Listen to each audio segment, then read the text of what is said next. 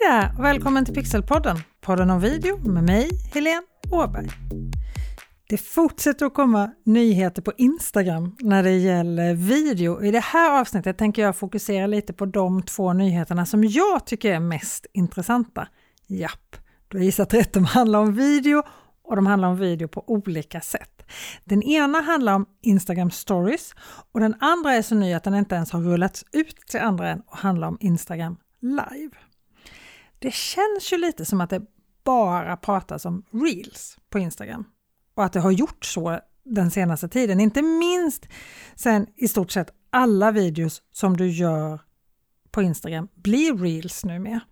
Den där bassen kring stories som var så stor för ett tag sedan har kommit lite i skymundan nu och det kanske inte är så konstigt egentligen för reels har verkligen förändrat Instagram. Nu når du fler som inte följer dig med dina inlägg. Det har du kunnat göra förut med hjälp av hashtags, men nu gör du det på ett helt annat sätt. Men det har ju varit många Instagram-gurus som har hävdat att flödet har varit dött på Instagram, att det är stories som gäller. Och du som har hängt med länge här i Pixelpodden, podden om video, på Stockholm Pixel House på Instagram till exempel, har hört mig säga många gånger att jag inte alls upplevt att flödet har varit dött på Instagram och själv får jag mer engagemang i flödet jämfört med vad jag får i stories. Men det handlar ju så mycket om målgruppen. Var finns just din målgrupp? För vi gör ju varken stories eller inlägg i flödet för oss själva. Vi gör ju det för vår målgrupp. Men jag jobbar ju en hel del med video och det har ju Instagram premierat länge, långt före man gick ut och sa att Instagram inte längre är en bilddelningsapp utan mer av en videoapp. Och nu visar det ju dessutom facit, eller vad man ska kalla svenskarna och internet 2022 som Internetstiftelsen kom ut med för några veckor sedan, att det inte alls är så att vi tittar mer på stories än vad vi tittar i det vanliga flödet. Bara drygt hälften av alla Instagram-användare överhuvudtaget tittar på stories. Och det är det här som blir så farligt, eller det är inte farligt, ett överdrivet ord, men det som gör att det så lätt blir fel, för man utgår ifrån sig själv och sina vänner istället för fakta. Man beskriver det som fakta fast det egentligen handlar om hur det är för dig. Att du upplever att flödet är dött, det kanske är för att just din målgrupp använder stories mycket mer.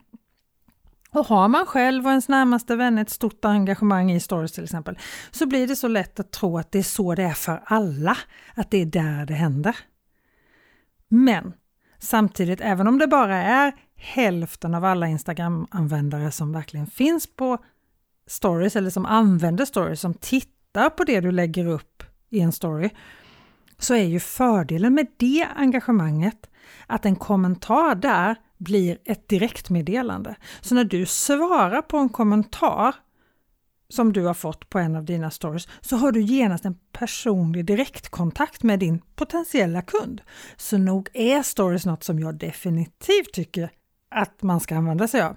Mycket! Och den stora nyheten med Instagram stories är att från att ha haft en maxlängd på 15 sekunder så har den här längden på en video som du kan ladda upp på stories fyrdubblats. Nu när du lägger upp en story som är under minuten så kommer den inte längre delas upp i korta delar utan det blir en video på 59 sekunder. Och Det här är något som Instagram har testat ett tag på ett utvalt antal användare och bevisligen fått bra feedback på då eftersom man har genomfört det på alla nu. Och jag kan inte låta bli att fundera på om det här har med ett annat test som Instagram gör just nu med utvalda användare. För vissa användare så visas bara ett fåtal stories. Det har pratats om 3 till 5 stories från en och samma person. För att se fler måste du som tittar på en story från någon som har postat fler än just då tre stories eller fem stories, klicka på se alla för att se resterande stories som den här personen har lagt upp.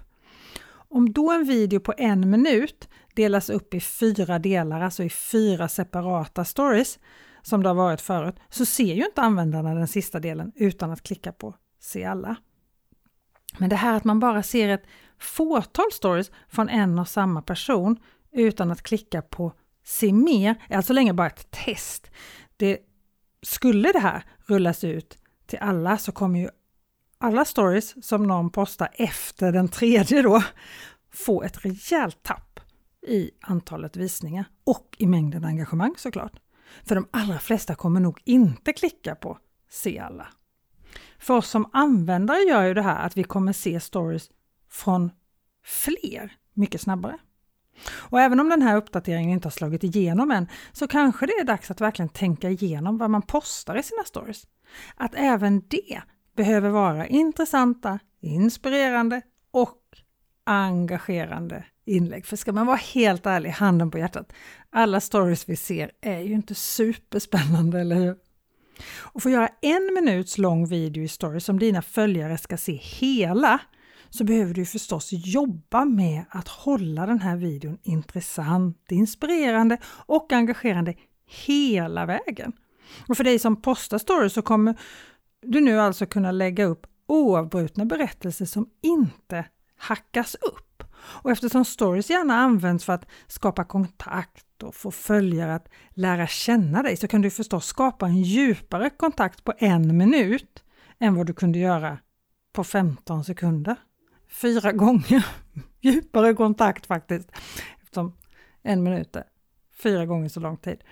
Men samtidigt kan jag inte låta bli att fundera på om hur det här kommer förändra storiesflödet som sådant.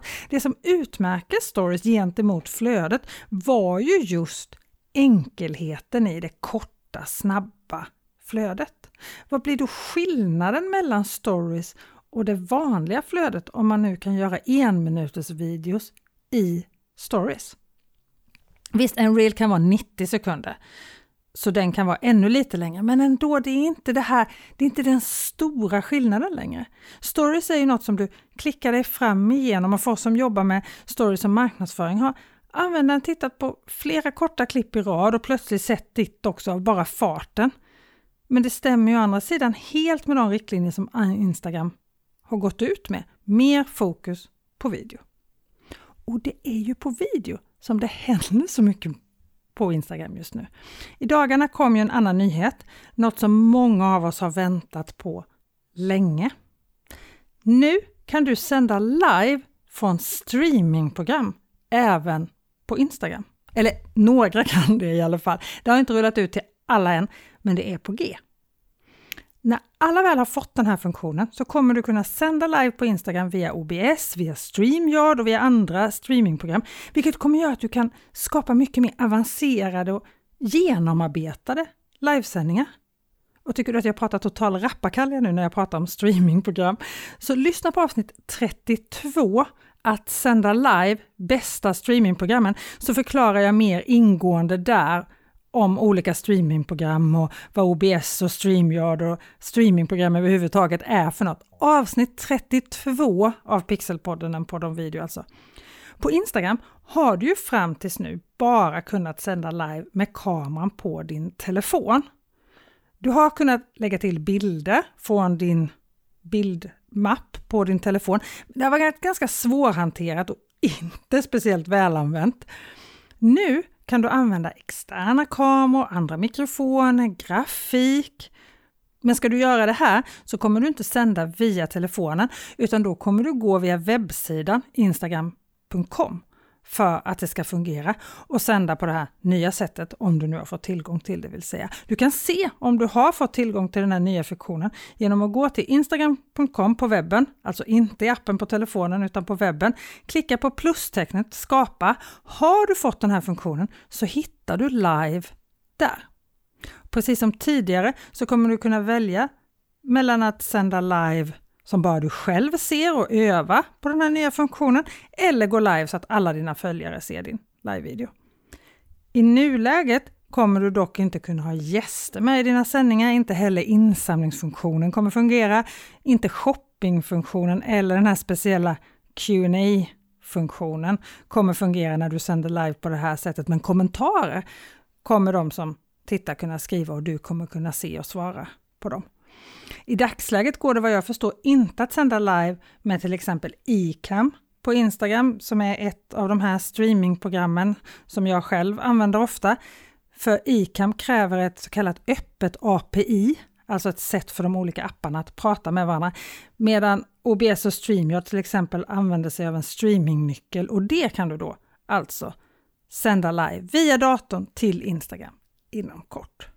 Och vill du förbereda dig för det här så ladda ner min utrustningslista för livesändningar. Du hittar den på bit.ly liveutrustning bit.ly liveutrustning i ett ord, små bokstäver hela vägen och du hittar länken i beskrivningen till det här poddavsnittet också.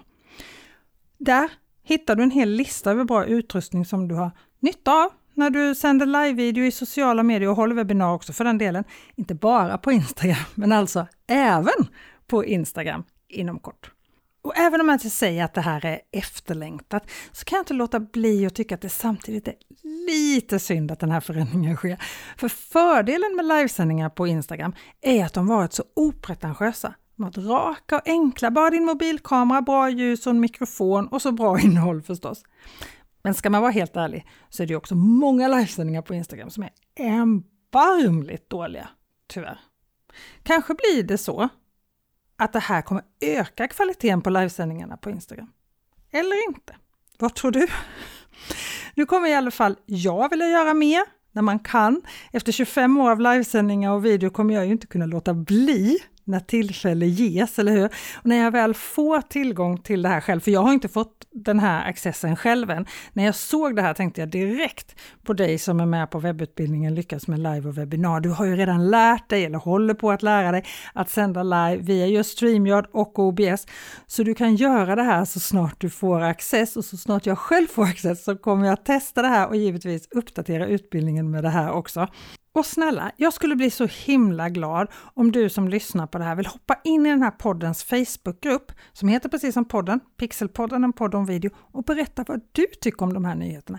Både om att du nu kan göra 59 sekunder långa stories, att man testar att bara se 3 till 5 stories från varje användare och att du kan göra mer avancerade livesändningar på Instagram inom kort jag kan ju berätta att jag längtar i alla fall till jag får access till de här mer avancerade livesändningarna på Instagram. Och om du också längtar, gör dig redo att ladda ner den här utrustningslistan för livesändningar. bit.ly liveutrustning. Och så hörs du och jag här är Pixelpodden, podden om video, nästa vecka igen. Ha det så bra till dess. Hej då!